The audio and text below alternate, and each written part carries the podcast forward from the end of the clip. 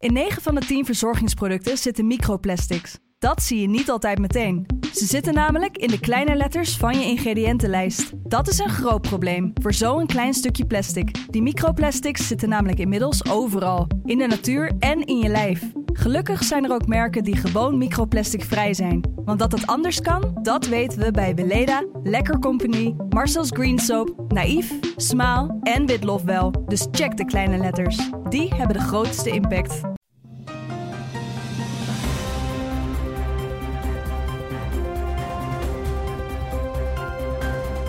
Dit is de Telegraaf podcast.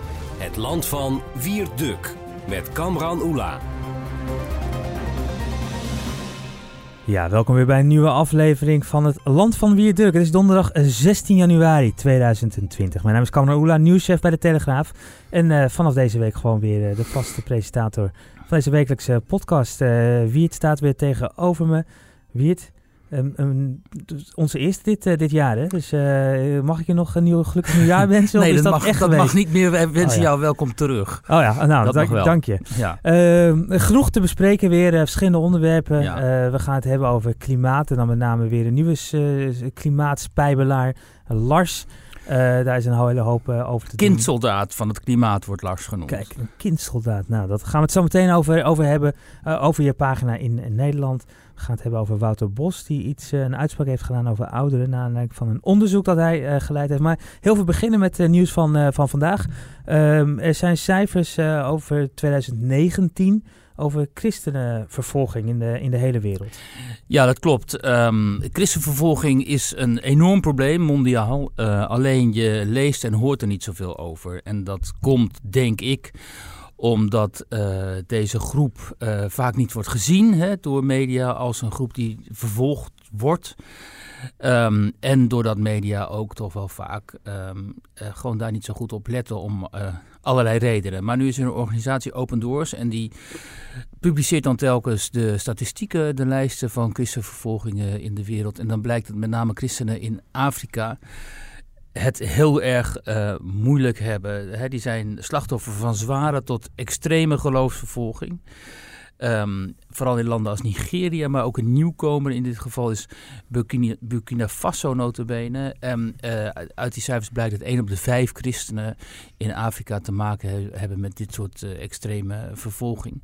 Um, dat is dan vaak natuurlijk ook door uh, extremistische moslims, hè, die zeg maar die landen proberen te zuiveren van Mhm. mm. andere, andere geloven. Dat is helaas het geval. Um, en ik vind... Daar kunnen we eigenlijk niet genoeg uh, aandacht aan besteden, omdat dit zo onderbelicht is vaak. Uh, en omdat uh, wij vaak vergeten dat het christendom in het Midden-Oosten een oude cultuurgroep is. Hè. Het groot deel van het Midden-Oosten was heel lang christelijk. Toen kwam de Mhm. islam en die hebben dat. Voor een groot deel zijn, voor een deel zijn de christenen toen verdreven. Overigens hebben ze ook lang met elkaar gewoon kunnen samenleven. Maar uiteindelijk heeft die, zeg maar, de tak van de islam die wat minder uh, tolerant is, uh, probeert de christenen en andere geloofsgroepen daar, zoals dat ook, ook de Jezidis is gebleken, Mhm.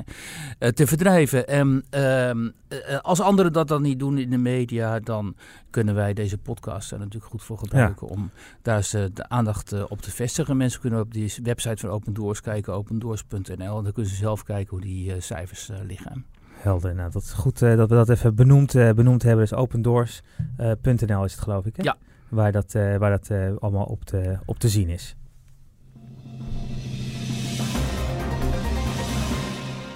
Ja, dan gaan we het hebben over, over Lars. De, de, wat was het nou? Kindsoldaat van het klimaat. Dat is eigenlijk een soort nieuwe Greta is opgestaan. Het ging mis geloof ik in, in Gelderland. Hè? Met, met, met onder andere de fractie, fractievoorzitter van de PVV ja. daar.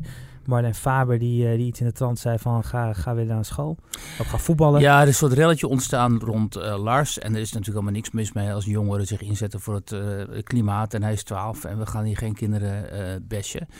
Um, maar het is toch wel interessant om daar even de aandacht op te vestigen. Lars Westra die heeft een soort van eigen bedrijfje, nou heel knap opgericht en daarmee vraagt hij aandacht voor onder kinderen voor klimaatproblemen en nou heeft hij gesproken um, op officiële bijeenkomst, politieke bijeenkomst bijeenkomst in Gelderland. En daar was Marjolein Faber van de PVV heel verontwaardigd over. Die tikte zoiets van, joh, ga naar school en ga voetballen en ga uiteindelijk een, een vriendinnetje krijgen en zo. En laat de echte problemen aan grote mensen over. Nou, iedereen verontwaardigd en zo. Oh, oh dat mag allemaal niet. Um, um, maar, kijk, in de kern raakt uh, Faber natuurlijk wel aan, aan, een probleem. Namelijk dat wij steeds meer die hele klimaatproblematiek zijn gaan uitleggen via de monden van uh, kinderen. Hè. Greta Thunberg, uh, die Zweedse dame, van, of dat meisje van nog maar 16, is, dat zoals we allemaal weten, internationaal daar het symbool van geworden. En we laten haar overal opdraven.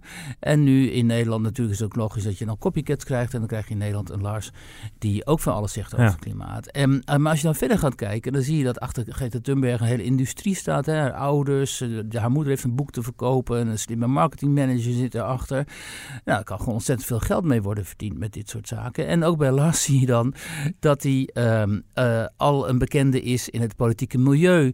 Als je gaat kijken op YouTube, dan zie je bijvoorbeeld een filmpje waarin uh, Rob Jette, de, de, de fractievoorzitter van de D66 in de Tweede Kamer, die belt hem dan quasi spontaan van hey joh Lars, leuk dat je bij ons op bezoek was. En binnenkort is Prinsjesdag en wil je ook langskomen. En dan zegt Lars heel spontaan, goh wat leuk dat je belt. En ja, ik wil best wel langskomen. Zo. Is dat niet die dag met die hoedjes en die petjes en zo? En dan Rob, ja, maar niet alleen hoedjes en zo. Dat staan ook helemaal... Dus hij is gewoon een soort van marketing tool voor D66. Uh, dat moeten we ons goed realiseren, want... Uh, nou ja, hoe maar weten we hoe, dat, hoe, hoe, hoe, hoe zeker weten we dat? Dat komt omdat we een video hebben gezien die door D66 verspreid wordt nou ja, hij wordt gewoon ingezet in videofilmpjes van deze 66. ja, want uh, voordat wij dan weer, of voordat jij het... Nee, je kunt gewoon op YouTube kijken. of waar baseer je dat op? Dat is dus op basis van een video die D66 zelf de wereld in heeft. Zoek bij YouTube Lars en Rob. en dan of Rob Jetten. En dan vind je gewoon zo'n filmpje. En kijk, ik vind dat je kinderen niet moet inzetten voor je politieke uh, campagnes. Mm, dit zijn, laat die kinderen met, met rust. Ik vind ook dat ouders van die kinderen moeten zeggen... joh, doe even normaal, weet je. Ehm, we hebben vanaf 18 hebben kiesrecht. Uh, of stemrecht, geloof ik. Hè? Men wilde er 16 brengen. Uh, en vanaf dat moment, prima dat kinderen dan, of jongvolwassenen dan, mee gaan, gaan doen. Maar probeer niet om tranen te trekken of om eventuele kiezers te ontroeren, want daar gaat het natuurlijk altijd mhm. om. Het is een heel sentimenteel uitgangspunt. Kijk, een lief jongetje of een lief meisje, als het even lostrekken van Lars, want uh, we willen niet specifiek op ons uh, op hem richten. Kijk, een lief jongetje of een lief meisje zich bekommeren om het klimaat, om de wereld, om zijn uh, leeftijdsgenoten, om de mensheid. En weet je wat? Dan gaan we die even prominent in een filmpje gooien, zodat het afstraalt op ons. Daar komt het op neer, hè? Kijk, Rob Jette is een lieve knaap zijn, hmm. uh, uh, die het zo goed met kinderen kan vinden en zo. Ik vind dat immoreel, moet ik zeggen. en ik vind dat ouders hier moeten, zouden moeten ingrijpen, zouden moeten zeggen, wij, wij doen daar niet aan mee. Los ook van het feit, hè, daar heb ik ook zo'n moeite mee. Um, dat kinderen al sowieso zo vaak worden ingezet op social media. Al die mensen die pronken met hun kinderen op Instagram en zo en op Facebook. Hè, die willen laten zien hoe verschrikkelijk tof hun kinderen zijn. Die kinderen hebben daar niet om gevraagd. Die staan voor altijd op dat internet. Misschien krijgen ze ooit een enorm conflict met hun ouders en willen ze helemaal niet met, niks meer met hun ouders te maken hebben. Laten we het niet hopen, maar wie weet. En dan mhm. sta je daar te pronken met je.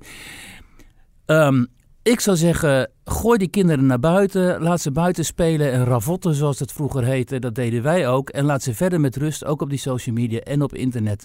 Want uh, die kinderen is of niks gevraagd, of ze worden te vaak gewoon gebruikt. En uh, ik houd daar niet van. Nee, dat is uh, heldere, heldere taal.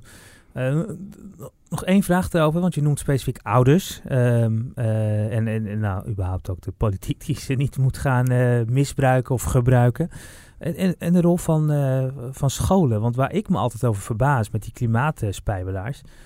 Gerta Thunberg is geloof ik nu 16. Um, maar, maar, die was dus 14 toen ze begon met spijbelen. Ja. Dat mag toch gewoon niet? Onderwijsinspectie als een kind om andere redenen zou spijbelen, dan, uh, dan, dan, dan, staan, uh, dan staat de onderwijsinspecteur aan de deur. Maar ja, dat heeft natuurlijk te maken met de gezagscrisis in de westerse wereld. Hè? Kijk, scholen zouden natuurlijk moeten zeggen, die zouden ook zich volwassen moeten gedragen. En moeten zeggen, joh, je gaat nu naar school, hè, dat komt allemaal later nog wel. En uh, je gaat nu gewoon je best doen en, en leren. Alleen uh, volwassenen hebben in het Westen afgeleerd om gezag uit te oefenen, of willen dat ook niet. Laten praten kinderen vaak naar de mond. Zetten, wat ik al gezegd heb, kinderen in voor hun eigen uh, doelstellingen. en ook bij die scholen is dat het geval. trouwens, Lang niet altijd hoor, want ik ken ook gewoon scholen waar mensen zeggen: joh, uh, wij gaan onze kinderen niet blootstellen aan media. Ja. dat is ook altijd heel goed. Ook als je op scholen als journalist bijvoorbeeld komt met een verhaal, dat dan de schoolleiding zegt: ja, maar we gaan geen foto's maken op het schoolplein en we gaan eerst aan de ouders vragen en zo. Dat is allemaal prima geregeld en wij houden ons daar ook aan als journalisten. Maar dan moeten ook die, uh, die activistische ouders en activistische onderwijs, uh, onderwijzers en leraren, die zouden zich dat ook in het hoofd moeten prenten. Dat die kinderen het gewoon tot hun zestiende of tot hun achttiende vooral in een veilige omgeving moeten verkeren waarin ze veel leren en daarna mee mogen gaan doen aan het uh, debat dat toch vooral door volwassenen moet worden gevoerd hoor. Ik bedoel, ik weet ook dat in andere delen van de wereld, hè, Rusland en, en, en gewoon andere delen waar ja, waar die hiërarchie ook anders ligt en zo. Niet dat het daar nou allemaal perfect is, maar daar wordt toch wel met een soort van mengeling van verbazing en ook van, van uh, vermaak uh, gekeken naar wat hier in het Westen gaande is. Omdat dat toch wel een infantiele vertoning is, zo langzamerhand.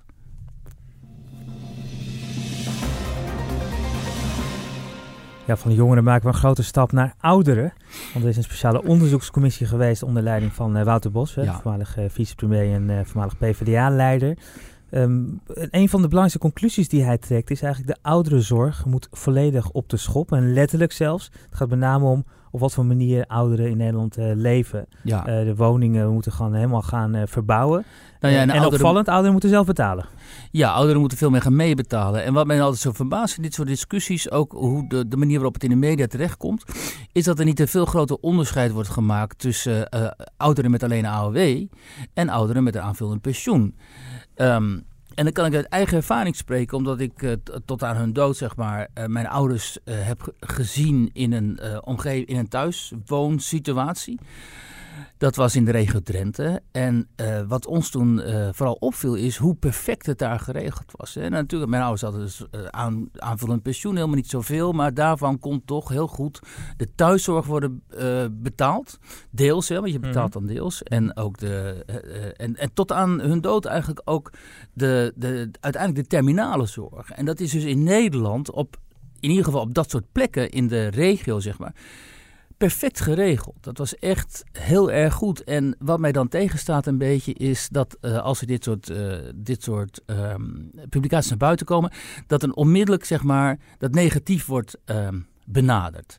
Terwijl ik denk uh, dat mensen met een aanvullend pensioen, die hebben het vaak heel breed mm. hè, aan het, um, uh, als ze op, op die op leeftijd zijn. En die kunnen natuurlijk best een deel zelf be be betalen. Hè, zoals ze ook nu huur betalen of uh, hypotheekrente betalen. Dus als ze in een zorginstelling komen, kunnen ze natuurlijk best daar gewoon de, de huur betalen. Het gaat vooral om de mensen met AOW, wat eh, gewoon helemaal geen vetpot is, wat eigenlijk veel te weinig is, die dan in de problemen zullen komen. Dus dat onderscheid moet je heel goed maken. En ik begrijp ook heel goed dat uh, in een land dat zo snel vergrijst en mm. waarin uiteindelijk zo weinig mensen nog zullen zijn om mantelzorg te plegen en ouderenzorg te plegen, dat je moet nadenken over hele ingrijpende oplossingen. Wat ook een beetje uit oog wordt verloren, waar Wouter Bos wel op uh, duidde, dat is dat er al een hele infrastructuur bestaat aan ouderen die mantelzorg plegen voor ouderen. En die ook vrijwilligerswerk doen voor ouderen. Wat ontzettend interessant uh, is in Nederland. Dat is dat je dus een hele grote groep, zeg maar 65-plussers krijgt die nog heel fit zijn. En die gewoon graag wat willen doen. En die dan gaan zorgen voor zeg maar, mensen die in de 80 zijn of zo tegen, tegen de 80 zijn. Hè? En die verenigen zich ook in een soort van corporaties en zo. Die worden dan gebeld. En van joh, kun jij die en die even wegbrengen? Kun je dat en dat doen en zo.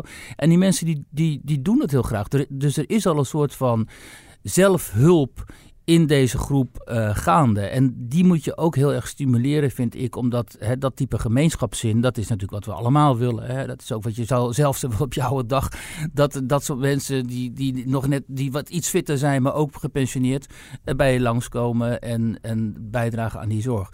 Um, dus in die zin is, um, is dit helemaal niet zo'n hoeft niet per se een negatieve ontwikkeling te zijn, zolang je de mensen die uh, van AOW moeten rondkomen en eigenlijk gewoon hè, bij, bij elk willekeurige tegenslag uh, in, enorm in paniek mhm. raken omdat ze dan dingen niet kunnen betalen en zo. Ja, die moet je natuurlijk gewoon toch uh, blijven steunen met belastinggeld. En deels is natuurlijk ook eenmalig een hele grote verbouwing op, op, op echt individueel niveau. Uh, maar als die mensen uiteindelijk komen te overlijden na 10 jaar of 20 jaar, dan, dan zou je kunnen zeggen, die, ja, die woningen die moeten ook beschikbaar blijven voor als, als oudere voorziening. En dan moet er niet vervolgens weer terug worden gebouwd voor een, uh, voor een jong gezin. Uh, dat is wat Wouter Bos ook zei, geloof ik. Hè, van het gaat om bouwen, bouwen, bouwen. Maar ja, we moeten sowieso ook krankzinnig veel bouwen. Het woningtekort is enorm. Ja. En uh, kijk, en dit is ook weer deel van een groter probleem. Namelijk dat we demografisch zo in de knel zitten. Hè? Want demografisch veroudert de, de autochtone bevolking heel sterk. En de allochtone bevolking minder uh, krijgen ook vaak meer kinderen. En er komen gewoon heel veel jongere migranten uit andere culturen binnen. Van wie maar de vraag is of zij uiteindelijk voor die oudere autochtone generatie uh, gaan zorgen. Wat eigenlijk een beetje de bedoeling is in zo'n solidariteitssysteem zoals wij erop nahouden. Ja. Dus hier spelen allerlei problemen door elkaar die ook weer in, in de kern voor een groot deel uh, verbonden zijn aan uh, de demografische ontwikkelingen natuurlijk in Nederland. Overigens zit ik net te bedenken dat hè, we zouden kunnen, in de, ik parafraseer even maar uh, Thierry Baudet, we zouden kunnen zeggen dat uh, het kartel op volle toeren draait met een uh, commissie onder leiding van Remkes en een commissie onder leiding van Wouter Bos. Oh ja, maar, maar, ze, ja. maar ze lijken wel allebei buitengewoon onafhankelijk, want de oud-PVDA-man PvdA-leider die pleit voor bouwen. Ja. En, uh, en, en Remkes, de, de VVD-burgemeester op dit moment ook, die pleit eigenlijk, uh, of die komt met voorstellen waardoor een bouwstop dreigt. Dat is natuurlijk eigenlijk wel heel geestig. Ja, bij PvdA,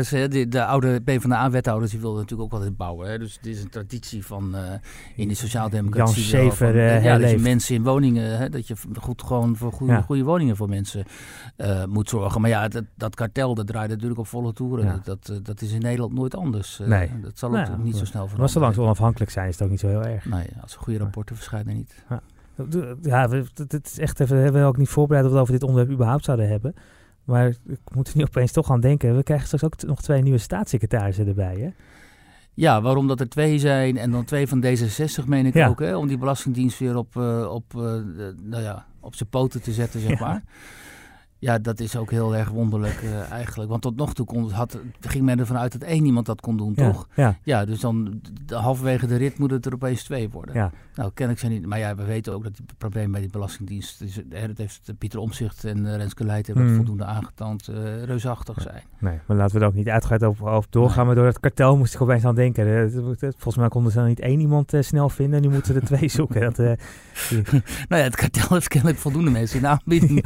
nou, dat moeten we nog, uh, moeten nog maar eens even zien wie het, uh, wie het gaat worden. Nou, dat, uh, dat komt ongetwijfeld later nog wel weer voorbij. Ja, een onderwerp waar we het in de, wat is het, ongeveer 60 afleveringen in het afgelopen anderhalf jaar een paar keer over gehad hebben, is de toekomst van, van Joodse Nederlanders. Ja. of die nog wat toekomst hebben. We hebben hier zoals Esther Voet ooit gast gehad, ja. die die, die, die zelf optimistisch was, maar, uh, maar ook het pessimisme uh, duidelijk verwoorden. En vandaag komt dat thema eigenlijk weer terug op jouw wekelijkse pagina, de rubriek in Nederland, ja. in de krant en uitgebreid ook natuurlijk op telegraaf.nl. Ja, want we herdenken 75 jaar bevrijding. En in eerste instantie denk, denk je dan natuurlijk terug aan het Jodendom. Dat destijds in de oorlog het Nederlandse Jodendom praktisch vernietigd is. Heel veel mensen zullen zich dat wel realiseren, maar, maar misschien ook niet. Dat in Nederland uh, in principe uh, de Joden destijds gedecimeerd, volledig mm -hmm. gedecimeerd zijn. Er zijn er nu nog iets van 50.000. Nou, dat is helemaal niet veel. Dus dat is een hele kleine uh, minderheid. Um, en binnen de Nederlandse Joodse gemeenschap is toch altijd wel afgelopen decennia. Die heb, het leven heeft toch altijd in een groot deel in het teken gestaan nog van die holocaust. En dat is ook logisch, want daar, die kun je helemaal niet verwerken. Dus zowel ook tweede en derde generatie uh, Joden, die hebben daar toch nog altijd heel veel, erg veel last van. En nu is er in Amsterdam een nieuwe Joodse gemeenschap sinds, een aantal jaren rond een uh, nieuwe synagoge. Uh, van uh, Naction uh, Rodriguez Pereira. En die jongeren die zeggen, joh, wij willen niet alleen maar in het verleden blijven hangen, we willen ook naar de toekomst kijken. En die toekomst is voor ons in Nederland, dus niet in Israël. Zoals heel vaak wordt gezegd, hè, omdat vanwege het toenemende antisemitisme in Europa en ook in Nederland, zeggen heel veel mensen, ja, er is eigenlijk geen toekomst meer voor de Joden van Europa. En ze kunnen het beste maar naar Israël vertrekken. Mm. Ik meen het zelfs ook Frits Bolkestein het ooit heeft gezegd, omdat zij hier niet, meer, niet langer veilig zijn. En dat is ook zo. Heel veel Joden zijn ook niet meer veilig. Vooral in Frankrijk is dat een probleem. Maar ook in, in, in Nederland zien we toenemend antisemitisme. Uh, en deze jongeren zeggen, ja dat zal allemaal wel, maar dat willen wij niet. We houden van Israël, we zijn er ook vaak, maar we willen gewoon in Nederland blijven. We vinden Nederland een fantastisch land. Hier liggen onze roots. Kijk, zo, bijvoorbeeld Van Nachtion, die is een Portugese Jood. Hè? Zijn familie kwam hier al 400 jaar geleden naartoe. Hm. Um, dus je hebt hier een geschiedenis van, heb ik jou daar. Uh, die onderbroken is door die holocaust. Maar ze willen die geschiedenis opnieuw zeg maar, naar de toekomst uh, een nieuwe geschiedenis opbouwen. En het leuke is dat ze zo succesvol zijn. Dus dit zijn jonge Joden, jonge synagogen. En de aanwas is heel groot. Hè. Er zijn nu met, rond de synagoge van 200 mensen die actief zijn. En op zaterdag zitten daar dan man of 60 of zo in de synagoge. Ze doen van alles samen, maaltijden, ze gaan bolen, uh, onderwijs geven. Ook kleine kinderen zie je dan. Dus echt jonge kinderen van ja, de, de, de, jaar of 10, 12 en zo. En uh, dat vind ik eigenlijk heel hoopgevend eindelijk eens een keer niet, uh, zeg maar, de, de, de, die, die, die treurige verhalen over hoe het was. Maar voorbij aan die treurige verhalen en ook een, wat Naxon zegt, een, een, een vrolijk en optimistisch jodendom uitdragen. Mhm. Nou, dat lijkt mij een, uh, een uh, heel goed initiatief. Wat voor reacties krijgen zij uit, uh, uit, uit de Joodse gemeenschap? Want die is natuurlijk op dit thema best wel verdeeld. Ja, dat is ook interessant, omdat uh, Nachson die was dus uh, voorganger en docent bij de uh, Portugese Israëlitische gemeente. En hij liep daar dus stuk op, zeg maar, de, besta de, de, de gevestigde belangen. Hè? Dat zijn families die daar eigenlijk al heel lang de dienst uitmaken en die bepalen hoe het moet. En hij wilde dus die, die gemeente openstellen voor jongeren en meer aandacht ook voor jongeren. En dat lukte hem uiteindelijk daar toch niet. Hij liep toch echt aan tegen die oude families, tegen die oude namen. Hm. En toen besloot hij, oké, dan ga ik eh, voor mezelf uh, beginnen in Buitenveldert. Um, dus ook binnen de Joodse, Joodse gemeenschap, ja, er is natuurlijk eh, er is heel veel hiërarchie. Uh, en er, is, en er zijn gewoon mensen die gewend zijn om, um, om belangrijk te zijn. En dan is het moeilijk om uh, daar tussen te komen. Um, maar goed, eh, deze jongeren zeggen wij willen openstaan voor iedereen. Ik sprak ook voor mijn pagina een, een Finse Jodin die naar Nederland is gekomen met haar Nederlandse man. Mhm. Die hebben eerst in, in um, Jeruzalem gewoond, waar zij het prima naar de zin had. Maar haar Nederlands-Joodse man die wilde terug naar Nederland. En toen is ze hier gekomen en toen zocht ze ook aansluiting bij een Joodse gemeente. En ze zei van, um, het is best wel moeilijk om tussen te komen, want zeker in Amsterdam, al die jonge Joden, die kennen elkaar, die groeien met elkaar op, gaan met mhm. elkaar naar school. Ja. Uh, maar bij deze synagoge werd ik hartelijk verwelkomd en uh, voel ik mij wel thuis.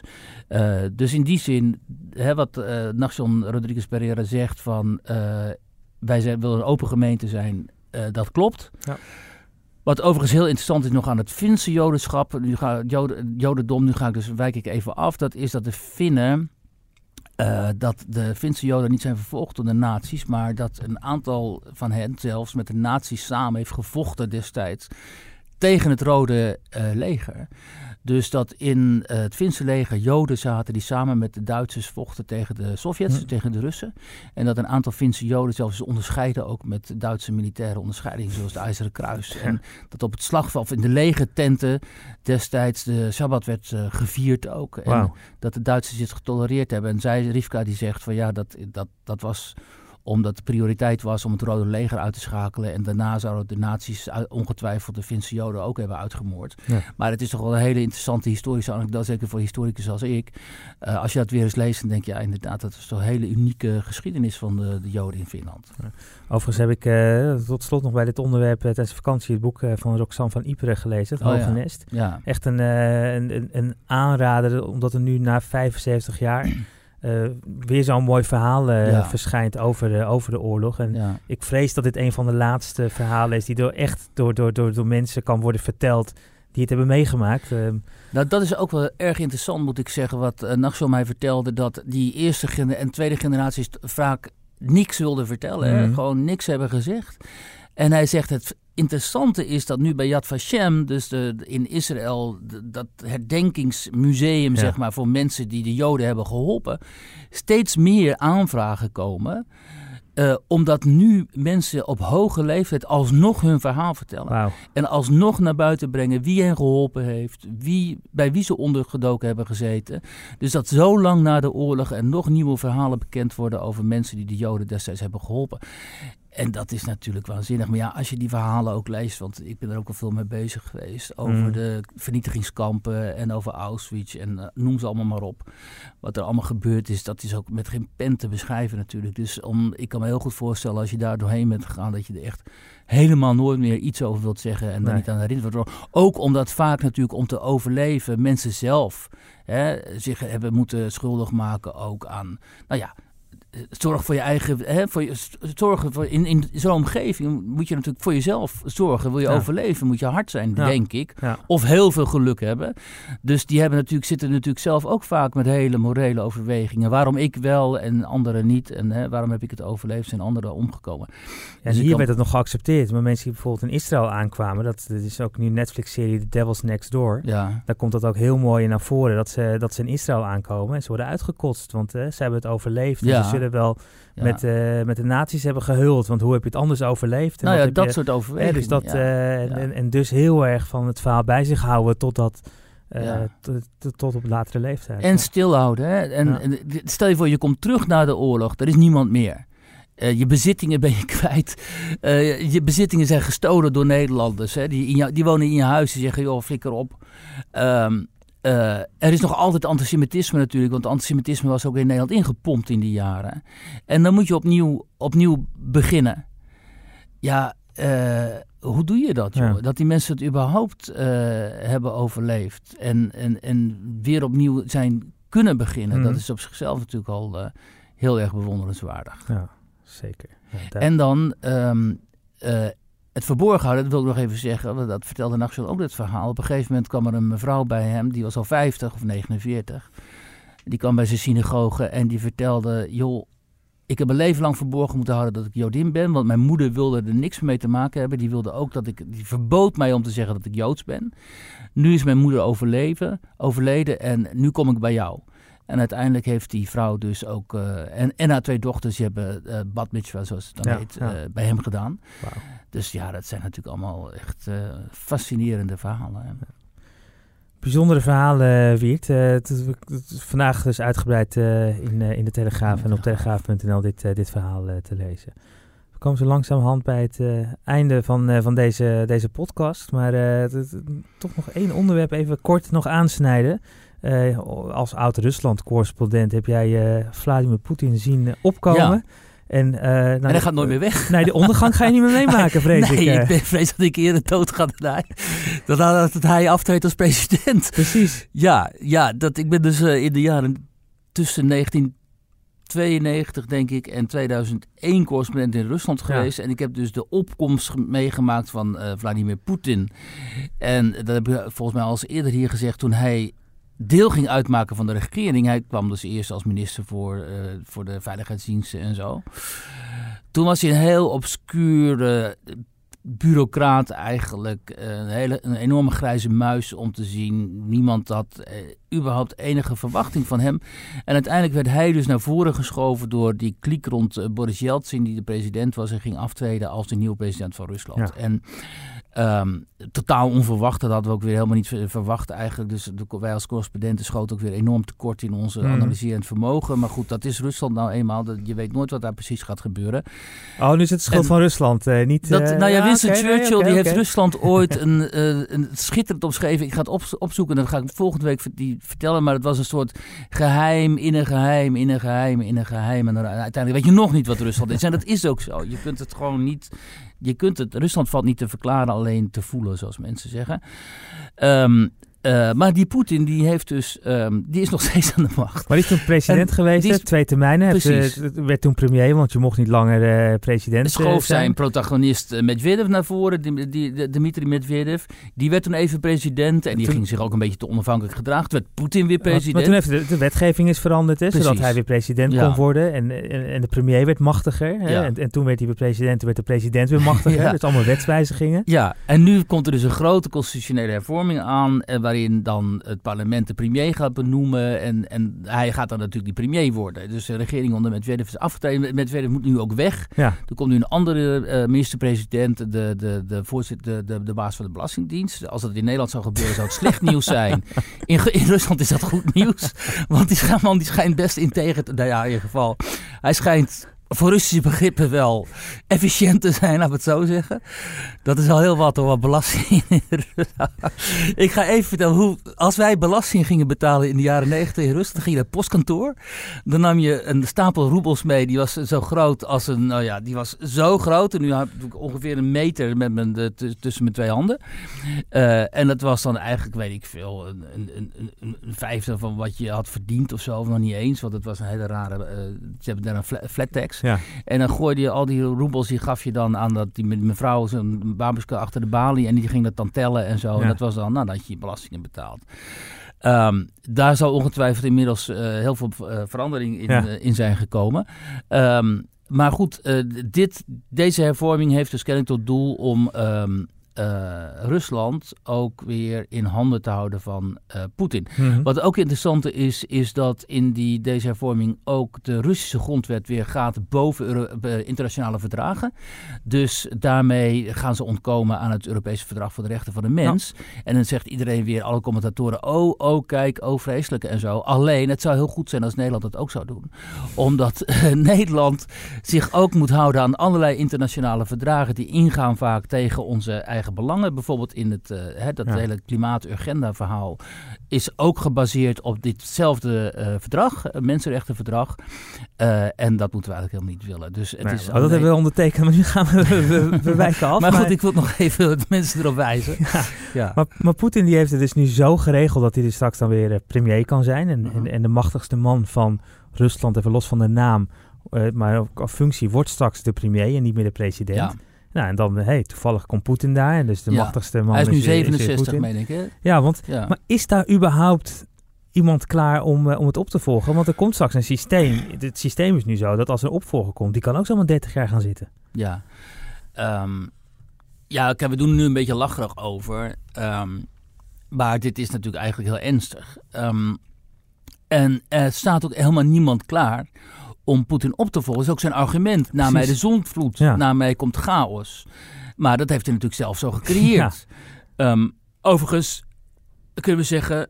eh na Angela Merkel komt in Duitsland ook chaos. En dat heeft ze ook zelf zo gecreëerd. Omdat, om, om, omdat ze al haar kroonprins heeft weggewerkt. En nu Mhm. ze aan het eind van haar politieke leven staat. Is er niemand, Nee. maar geen natuurlijke opvolger. In een echte democratie, binnen echte democratische partijen... bereid je natuurlijk je opvolgers voor... om uiteindelijk jouw positie in te nemen. Zo functioneren democratieën. Idealitair. maar het lukt in Nederland al- ook niet. Hè? Dat lukt in Nederland dus ook niet. Dus Lubbers lukte ook het niet. veel eh, ja. Wim, Wim Kok lukte het niet. Dus Nee. geen Brinkman, geen Melkert. Nee. eh, Al die ego's. Balken in de weg, chaos. Ja, al die ego's die gaan dus uiteindelijk overheersen. Hè? De- Dat de macht Ja. corrumpeert in die zin ook. Nou, dat is eigenlijk iets wat je, wat je, wat je niet wilt. Ehm, maar nu is Rusland ook nog eens een keer een auto- autoritaire democratie. Of misschien is het helemaal geen dem- democratie, maar een autoritair land. Ja. En eh, staat daar dus. En hij kan Poetin best wel eens gelijk hebben dat eh, na hem eh, de chaos eh, komt. En dan kunnen we dus donderop zeggen dat als er chaos komt in Rusland, dat dan weer die Tsjetsjenen uit van IS uit Syrië terugkeren. Die zijn die keren nu al voor een deel terug natuurlijk naar huis. Dat die Caucasus in brand komt te staan. En zo, daar dreigt hij dan ook mee en zo, dat dat eh, gaat gebeuren. Nou ja, en dat, dat wil niemand. Dat willen, moeten wij ook niet willen, omdat wij willen dat er stabiliteit is in Rusland. Maar En- dus in zekere zin zouden we kunnen stellen dat 15 januari 2020, hè, het is deze woensdag, best een historisch moment is. Ehm, waar we niet zomaar even overheen moeten stappen. Nou ja, ik denk dat dat inderdaad zo is. Kijk, de Chinese president heeft het ook al gedaan. Hè? Die Mhm. mag ook zijn leven blijven zitten. Ja. Daar in de voormalige Sovjet-Unie, in Centraal-Aziatische landen, heb je ook al presidenten die gewoon eigenlijk voor altijd blijven zitten. En die Ja. dan vervolgens, als ze doodgaan, dan komt hun zoon of hun dochter aan de macht. Dus ja, maar, zijn... ik denk, maar, maar, maar met China is denk ik toch de, de, de dreiging eromheen anders dan, eh, dan met Rusland. Want eh, je noemt net, eh, je noemt net Tsjetsjenië. Eh, dit, dit, dit- dit is natuurlijk een conflict met Oekraïne. Eh, Nou, ik denk dat we bij China nooit precies weten hoe stabiel dat land is. Want eh, vergeet niet dat ze daar die Oeigoeren bijvoorbeeld, wat ook een moslimminderheid is, zwaar onderdrukken. Hè? Die, die, die, er zitten misschien wel een miljoen in de heropvoedingskampen. Ja. Dus we, we weten ook niet of die stabiliteit... Dat weet je nooit met dit soort landen. Ja. Hè? Hoe stabiel zo'n regime nu werkelijk is. Dat weten we eigenlijk ook niet van de, van de mullahs in, in Iran. Dat moet altijd getest worden. En soms kan het zijn dat zo'n regime uiteindelijk zo op zijn achterste, op zijn laatste benen loopt, dat het gewoon instort. Ja. Alleen ik denk dat dat in Rusland niet het geval is, omdat de Russen zelf, de Russische bevolking, die hebben al het trauma van de jaren negentig, toen eigenlijk de staat niet meer functioneerde, Hmm. toen het, de overheid was ingestort, toen er burgeroorlogen ontstonden. En dat willen ze nooit meer. Dus ik denk dat ze dan zeggen, oké, dan liever Poetin met al zijn nadelen dan chaos met eventueel geweldsuitbraken en zo. En Tsjetsjenen die naar Moskou optrekken en weet ik veel wat voor schrikbeelden allemaal. Dat wil niemand daar. Ehm, dus we zullen het hiermee moeten doen. Dat is ook wat ik ook altijd zeg. We kunnen wel willen dat dit soort Ja. landen democratieën worden naar ons model. Maar Gaan ze niet worden. En als laatste dan, kijk naar China, kijk naar de Chinese geschiedenis, kijk naar de Russische geschiedenis. Uiteindelijk vallen die landen weer terug in dat oude, aloude model. Er is continuïteit juist. Hè. Poetin is nu de nieuwe tsaar. In China had je precies dit soort dynastieën ook. En, en, en dat is wat ze kennen. Dat is hun geschiedenis, dat zijn hun verhalen Mhm. hun vertellingen, dat is wat zij associëren met hun, met hun land en met hun bevolking. Heel veel Russen zeggen ook, dit is wat bij ons past. Echte democratie, daar kunnen we niet mee omgaan. Dan worden we wild, zeggen ze dan. Dikkie. Dat- dik, dikke democratie, daar kunnen ze gewoon niet mee omgaan, zeggen ze zelf. Dat is voor jullie. Laat ons dan dit systeem. En dan kunnen wij wel vanuit ons eh, D66-achtige ideologieën denken van... ja, maar ze moeten, ze moeten, moeten... Maar die mensen en die eh, landen die laten zich dat helemaal niet opdringen, joh. Dus ehm, ja. Het is toch altijd is, eh, fijn dat we naast de verre identiteitspolitiek en, eh, en alles wat in Nederland gebeurt, ja, ook nog hebben als oud-correspondent Duitsland en Rusland. Realistisch commentator. Precies. Daar laat ik me niet over uit. Nee. En, eh, het, maar het is altijd mooi om, om op die manier toch dat uitstapje te, te kunnen maken en, en je daarover te horen. Wie het, volgens mij zijn we weer lekker 40 minuten bezig. Het zit er weer op voor deze Mooi week. zo. Dankjewel, dank voor het luisteren. En volgende week dan zijn we er gewoon weer met een nieuwe aflevering. Tot dan. Dankjewel.